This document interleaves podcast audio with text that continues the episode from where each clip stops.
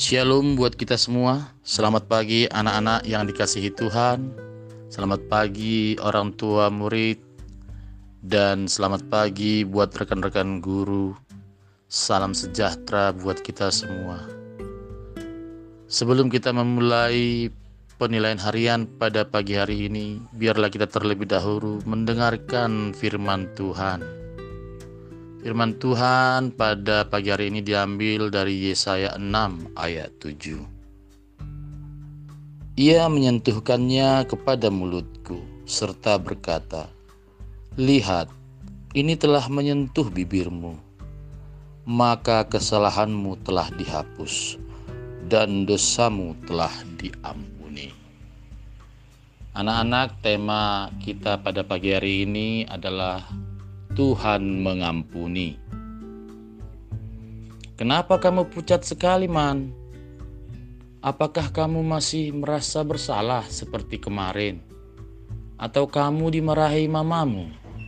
Tanya Didi kepada Herman. Mama memang sempat marah kepadaku, dan sekarang tidak ada lagi masalah dengan mama. Tetapi semalam aku bermimpi, aku jadi takut lagi dan tidak bisa tidur di jawab Herman kepada Didi. Anak-anak, Nabi Yesaya bermimpi dan ia menjadi takut.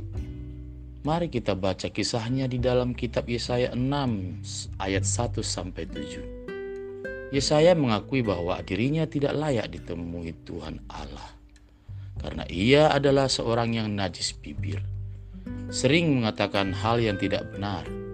Tapi apa kata Tuhan ya?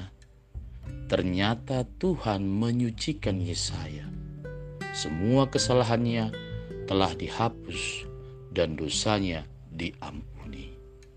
Anak-anak, kita tentu pernah melakukan kesalahan. Ayo kita mohon ampun kepada Tuhan akan segala kesalahan yang kita lakukan.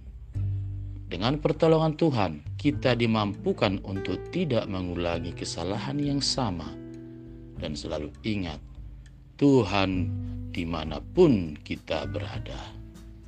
Mari kita berdoa. Bapa di surga, aku tahu bahwa Engkau mengasihiku. Ampunilah aku ketika aku melakukan hal yang tidak berkenan kepadamu.